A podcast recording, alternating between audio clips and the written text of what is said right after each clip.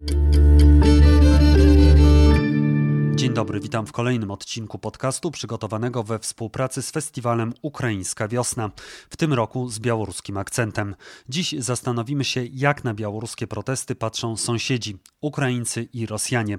Moimi gośćmi są Wiktoria Bielaszyn z Gazety Wyborczej. Dzień dobry. Dzień dobry. I Piotr Andrusieczko z portalu Outriders i także z Gazety Wyborczej. Dzień dobry. Dzień dobry. Powiedzcie proszę, ponieważ no nie, nie od dzisiaj obserwujecie to, co się dzieje na tym e, terytorium postradzieckim i obydwoje także obserwowaliście protesty na Białorusi. Co was y, w nich y, najbardziej uderzyło? Wiktoria Bilaszyn. Mnie najbardziej uderzyła na pewno przemocowość y, białoruskich służb, funkcjonariuszy struktur siłowych, która była zupełnie nieadekwatna do tego, co działo się na białoruskich ulicach.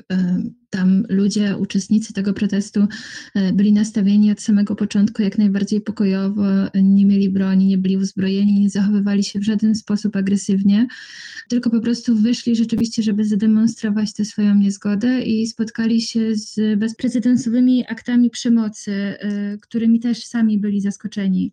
Na pewno zdziwiła też mnie ta e, ich cierpliwość, i uskutecznianie w dalszym ciągu przez tak długi czas tych swoich postanowień i założeń, że oni e, każdego dnia rzeczywiście będą wychodzić z tymi akcjami protestu, co dla białoruskiego społeczeństwa akurat nie jest e, charakterystyczne. Białorusini przez wiele lat e, na pewno nie na taką skalę protestowali, czy w ogóle wyrażali swoją niezgodę. Piotr Andrusieczka, co dla ciebie było takie porażające w tym, co, co widziałeś na Białorusi. No ja zapewne powtórzę się e, za Wiktorią, dlatego że rzeczywiście jakby brutalność milicji, OMON-u, to robiło wrażenie, e, dlatego że nawet jakby przed samymi wyborami to bardzo mnie zaskoczyło, dlatego że ja przyjechałem później i byłem krócej niż Wiktoria e, na miejscu. Natomiast no, jakby te łapanki, które były urządzane właśnie przez omonowców, którzy wypadali z samochodów nieoznakowanych, w ogóle, w ogóle ta sytuacja z nieoznakowanymi samochodami to było dla mnie coś takiego, czego no ja podczas na przykład protestów na Ukrainie nie doświadczyłem, dlatego że samochody bez rejestracji mi się kojarzą bardziej z takimi miejscami jak na przykład Donbas, gdzie jakby generalnie wszystko jest poza, poza kontrolą i tam bojownicy często poruszali się właśnie takimi e, samochodami bez oznaczeń. No i też to, że rzeczywiście determinacja ludzi, którzy no, wychodzą do dnia dzisiejszego, ja szczerze mówiąc, no, po prostu jak widzę ka każdej niedzieli relacje z tych właśnie z tych e, marszy, no to jestem zaskoczony ich determinacją, że mimo właśnie tych represji na ogromną skalę, że oni cały czas jeszcze znajdują w sobie siłę i wychodzą na ulicę. I właśnie tutaj się pojawia pytanie, czy ta determinacja tak naprawdę nie jest także wrogiem tych protestów, że przez to, że one są właściwie takie pokojowe, spokojne, ale powtarzają się co tydzień, y, czy to nie sprawia, że y, te protesty no de facto nic nie zmieniają. One właściwie osłabiają trochę Łukaszenkę, ale nie powodują to, że on y, oddaje władzę. Czy Tutaj nie lepiej by było zastosować jednak y, model bardziej radykalny. Jakby oczywiście, no, ja, ja słyszę cały czas te głosy tutaj, zwłaszcza w Ukrainie, mówiące o tym, że oto Białorusini tak naprawdę nie wiedzą, jak protestować, że trzeba od samego początku, czyli w pierwsze dni już y, przyjąć właśnie taki wariant bardziej radykalny, czyli stać mm, z siłami porządkowymi, y, czyli po prostu jakby no powiedzieć gdzieś ten wariant ukraiński, ukraińskiego Majdanu, ale to, to są takie mm, opinie no, wyrażane za komputera y, przez takich ekspertów kanapowych. Za każdym razem, kiedy takie protesty rozpoczynają się w jakimś kraju, bardzo trudno jest jakby tutaj y, od razu powiedzieć sobie, jak one mają wyglądać i gdzie jest ta granica jakby właśnie protestu pokojowego, gdzie, jaką formę on dalej powinien ewoluować jaką formę powinien przyjąć, y, bo no ja przypomnę, że ukraińskie protesty to one też przecież nie zaczynały się od razu od jakichś starć, y, tylko zazwyczaj były one w tej pierwszej fazie, albo w ogóle były całkowicie były protestami pokojowymi, albo, albo przynajmniej w pierwszej fazie były takimi protestami, więc tutaj w jakikolwiek sposób pouczanie Białorusinów, jak mają protestować, wydaje mi się no, czymś bardzo chybionym. I nie wiem, czy jest jakaś taka metodologia, jakby, no, znaczy ja wiem, że są różnego rodzaju opracowania, nawet mówiące o tym, jak, jak skutecznie przejmować władzę, ale tutaj no, myślę, że każda rzeczywistość, y, każda jakby sytuacja ma, jest, no, jest zupełnie inna. Jak już właśnie mówimy, jak mówiliśmy tutaj, wspominaliśmy o tej brutalności, no to pamiętajmy, ile tysięcy osób zostało zatrzymanych w pierwsze dni tych protestów. Więc to jest, to jest ogromna skala, która mi się wydaje, że w niektórych krajach mogłaby w ogóle sparaliżować jakby jakiekolwiek dalsze działania mm, e, protestujących. Moim zdaniem właśnie też te pouczania e, osób, które nie znają białoruskiej rzeczywistości, czy, e, czy może w ogóle nie brały udziału w tych protestach, są, są zupełnie nieadekwatne do tego, co się na Białorusi dzieje i myślę, że bardzo trudno jest odzyskać głos właśnie społeczeństwa, przez społeczeństwo, którego się przez tyle lat było pozbawionym de facto. Ta skala represji, która spotkała Białorusinów, jest przez e, obrońców praw człowieka porównywana właściwie z tym, do czego dochodziło na terytorium wojny światowej. E, I teraz namawianie do jakichś takich bardziej radykalnych działań jest wydaje mi się, że wręcz nieludzkie.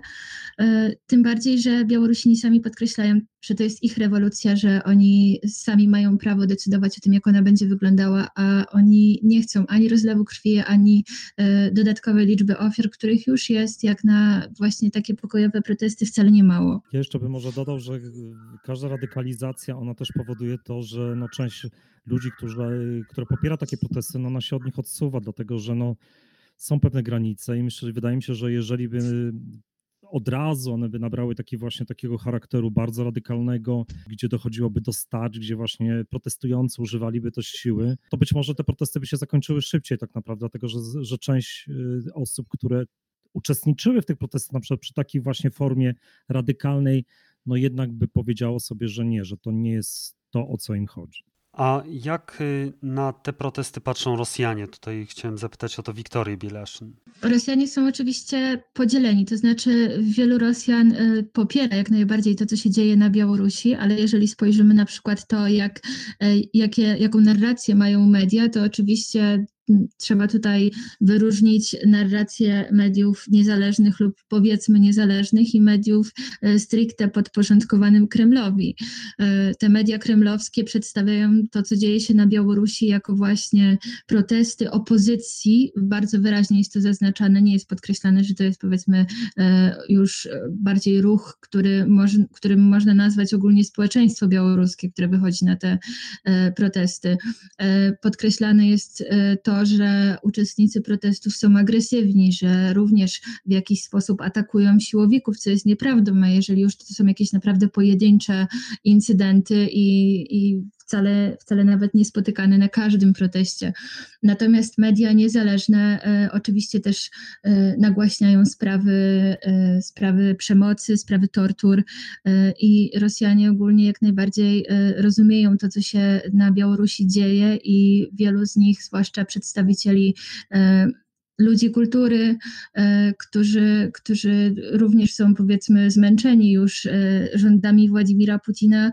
Oni wręcz proszą mając nadzieję, że Białorusinom się uda, by ci w przyszłości nauczyli ich, jak zrobić, e, jak przeprowadzić taką pokojową rewolucję u siebie. Jeszcze Piotr Andrusieczko jest jedna kwestia, bo e, oczywiście część Ukraińców patrzy na pewno z zachwytem na to, co się dzieje, ale nie powiedzieliśmy o tym, że też na Ukrainie sam Aleksandr Łukaszenka miał dość dobrą prasę i Białoruś miała dość dobrą prasę, więc przypuszczam, że część społeczeństwa jednak może być tym zaskoczona.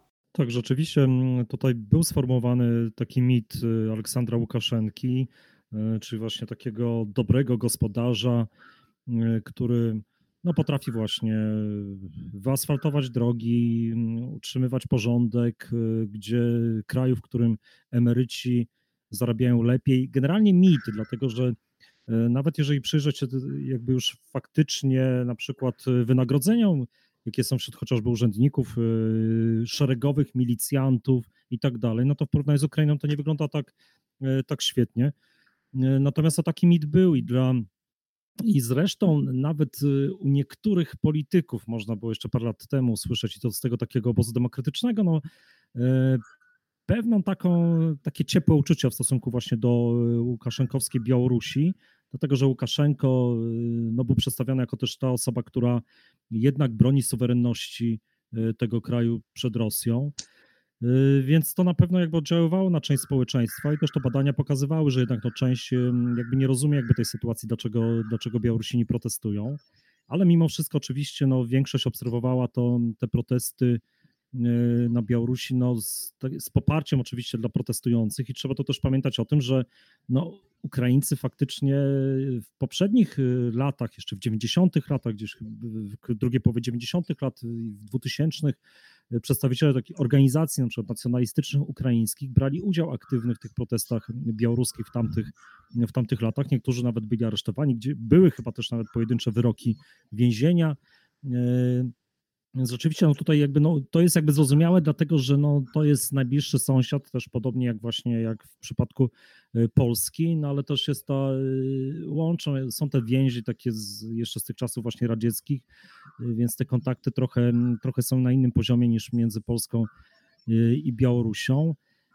Więc tak, no tutaj no, nie, nie ma takiego jakby podziału, że pół na pół, ale powiedzmy, że mamy jakiś procent ukraińskiego spo, społeczeństwa, które jednak no, dziwiło się, dlaczego, to, dlaczego Białorusini właśnie występują przeciwko e, Łukaszence. Bo to jest jeszcze jedna ciekawa kwestia e, dotycząca Ukrainy, tego, że przecież też są politycy prorosyjscy na Ukrainie, tak? Tacy jak na przykład Medwedczuk czy jego współpracownicy. Oni chyba na to, co się dzieje na Białorusi patrzą no raczej z przerażeniem i negatywnie. No oczywiście tak, no jakby oni od, od, to już były takie nawet akcje, że właśnie przedstawiciele tej platformy opozycyjnej za życie przychodzili do parlamentu z tą oficjalną flagą, no oficjalną, z tą, która Republiki Białoruskiej, wywieszali ją właśnie i udzielali komentarzy, a mają gdzie ich udzielać, dlatego że mają, dysponują trzema kanałami telewizyjnymi więc udzielali komentarzy w stylu, że oto y, protestujący próbują zrobić to, co zrobił, zrobili Ukraińcy, zrobił Majdan, więc jakby doprowadzić kraj do, do ruiny. Świetnie funkcjonujący kraj za właśnie prezentury y, Łukaszenki. Więc tak, no to tutaj ta, jakby ta narracja y, ze strony właśnie przedstawicieli tej partii, samego Medwedczuka i jego współpracowników, no, była taka sama jak narracja oficjalnych mediów rosyjskich. Выходи гулять, ходи гулять со мной. Выходи гулять, ходи гулять со мной. Пестик обливалку, липучку и харкалку Ничего не надо брать, просто выходи гулять Дымовуху и рогатку, клюшку и скакалку Ничего не надо брать, просто выходи гулять Там казаки, разбойники, пешие и конники Wychodzi gulać, czy siedzisz na podokoniku To ja może też właśnie dodam jeszcze odnośnie oficjalnej rosyjskiej narracji, bo y, pamiętajmy też o tym, że na przykład Rosjanie, którzy również podczas tych takich najbardziej brutalnych białoruskich protestów, to znaczy pacyfikacji tych protestów, kiedy oni wychodzili e, i gromadzili się przed ambasadą Białorusi w Moskwie e, w ramach solidarności z protestującymi Białorusinami, byli zatrzymywani przez e, moskiewską policję. Było to traktowane jako, jako nielegalne zgromadzenie, więc jakby taka otwarta forma poparcia jak najbardziej nie jest w Rosji dobrze postrzegana przez władze. Oprócz tego warto też dodać albo przytoczyć przynajmniej historię śledczego Andrzeja Ostapowicza, e, który po tym jak zwolnił się na Białorusi z pełnionej funkcji w ramach protestu, w ramach niezgody na to, co się dzieje i wyjechał do Rosji, on został przez FSB rosyjskie wydalony z powrotem na Białoruś. Więc mimo, że on tam szukał jakiejś pomocy, jakiegoś schronienia, rozmawiał z rosyjskimi mediami, rosyjscy siłowicy oddali go z powrotem Białorusinom. Też jest y, prawdą to, że rosyjska władza trochę przez palce patrzyła na te protesty, dlatego że zdarzały się też protesty bardzo liczne przed ambasadami, przed ambasadą w Moskwie i na przykład przed konsulatem w Petersburgu. E, tak, tylko że zauważ, że wiele z nich było tłumionych. Ci aktywiści dostawali mandaty, byli też karani aresztami e, i najczęściej te demonstracje były rozganiane. Więc owszem, jakby ludzie się gromadzili i jakby ja również też nie chcę powiedzieć, że tutaj Rosyjsk, e, Rosja i Kreml tak zupełnie powiedzmy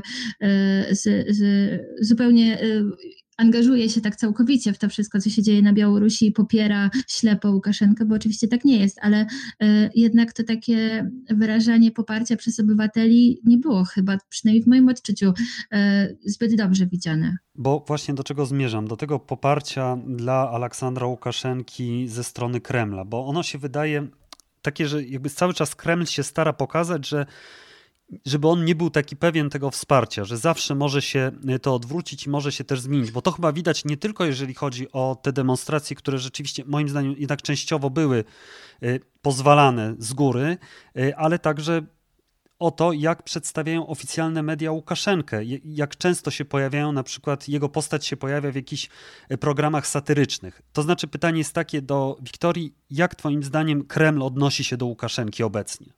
Czy może to się zmieniało w czasie tych protestów? To się na pewno zmieniało, y, bo tak, trzeba rozpatrzyć różne scenariusze, choćby ten, że y, Władimirowi Putinowi oczywiście nie jest na rękę to, żeby dyktatora w sąsiednim kraju z podobną historią y, obalił lud. Ale z drugiej strony rzeczywiście można odnieść wrażenie i najprawdopodobniej tak jest, że Łukaszenka jednak już od dłuższego czasu działa Kremlowi na nerwy. Zresztą e, ten rok był dla Władimira Putina między innymi ze względu na Aleksandra Łukaszenka dosyć trudny. Putin był zmuszony e, zmienić konstytucję, e, bo ta integracja z Białorusią nie udała się tak, jak, e, jak Putin planował.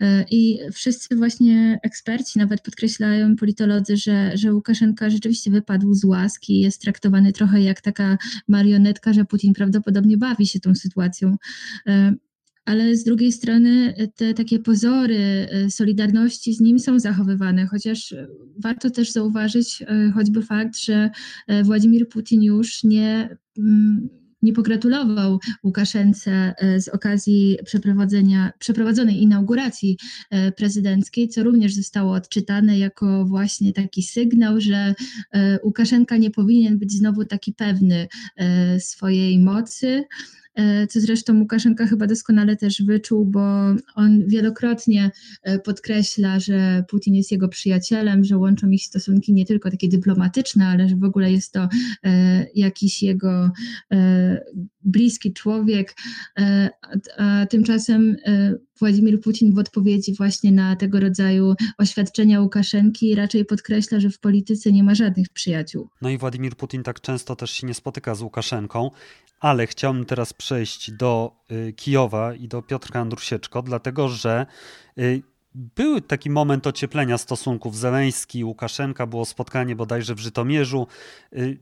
Ukraińskie władze wydaje się, że mają jednak pewien problem z tym, jak podchodzić do rządów Łukaszenki w Mińsku i do protestów że to nie jest wszystko takie jasne. Rzeczywiście, to znaczy e, początkowa jakby reakcja Kijowa oficjalnego była tak e, powiedzmy była wstrzemięźliwa, nawet była ona krytykowana e, przez tutaj przez ukraińskich dziennikarzy, obrońców praw człowieka, ale ona dosyć szybko uległa korekcie, to znaczy sam Zełęński zaczął mówić o tym, że Łukaszenko no jednak powinien jak minimum jakby posłuchać protestujących, później wejść z nimi w dialog e, i że propon, proponował nawet mu w jednym z wywiadów, żeby udzielił, żeby przeprowadził ponownie wybory, powtórzył te wybory e, prezydenckie, co oczywiście się spotkało z bardzo ostrą reakcją Ministerstwa Spraw Zagranicznych Białorusi. No i konsekwentnie jakby ta oficjalna polityka Kijowa zaczęła, jakby można powiedzieć, integrować się z polityką państw zachodnich, czyli właśnie poparcie, czyli przyłączenie się Ukrainy do, do sankcji prowadzonych przez Unię Europejską wobec, przeciwko Białorusi. Yy, i też uznanie w zasadzie yy, Łukaszenkę jako nie prezydenta już, tak, czyli osoby, w zasadzie traktowanie go jako prywatną, prywatną osobę, no tak ty, yy, tutaj jest w mediach często właśnie używane sformułowanie, że Łukaszenko, który tytułuje siebie prezydentem, albo czy właśnie no po prostu jest przyjęta formuła przedstawiania w oficjalnych nawet komunikatach e, właśnie władz e, ukraińskich po prostu jako pan Aleksander Łukaszenko. Więc jakby no to pokazuje, że rzeczywiście tą taką, taką zmianę i w zasadzie no Ukraina na dzień dzisiejszy y, stanowisko oficjalne właśnie Kijowa jest takie same jak stanowisko y, Unii Europejskiej. Z drugiej strony jest też wiele powiązań, o których mówiłeś, tak? Tych wcześniej tak, także rodzinnych, ale także biznesowych i gospodarczych. Czy tutaj Kijów byłby gotów na jakieś radykalne kroki, na przykład y, wstrzymanie importu produktów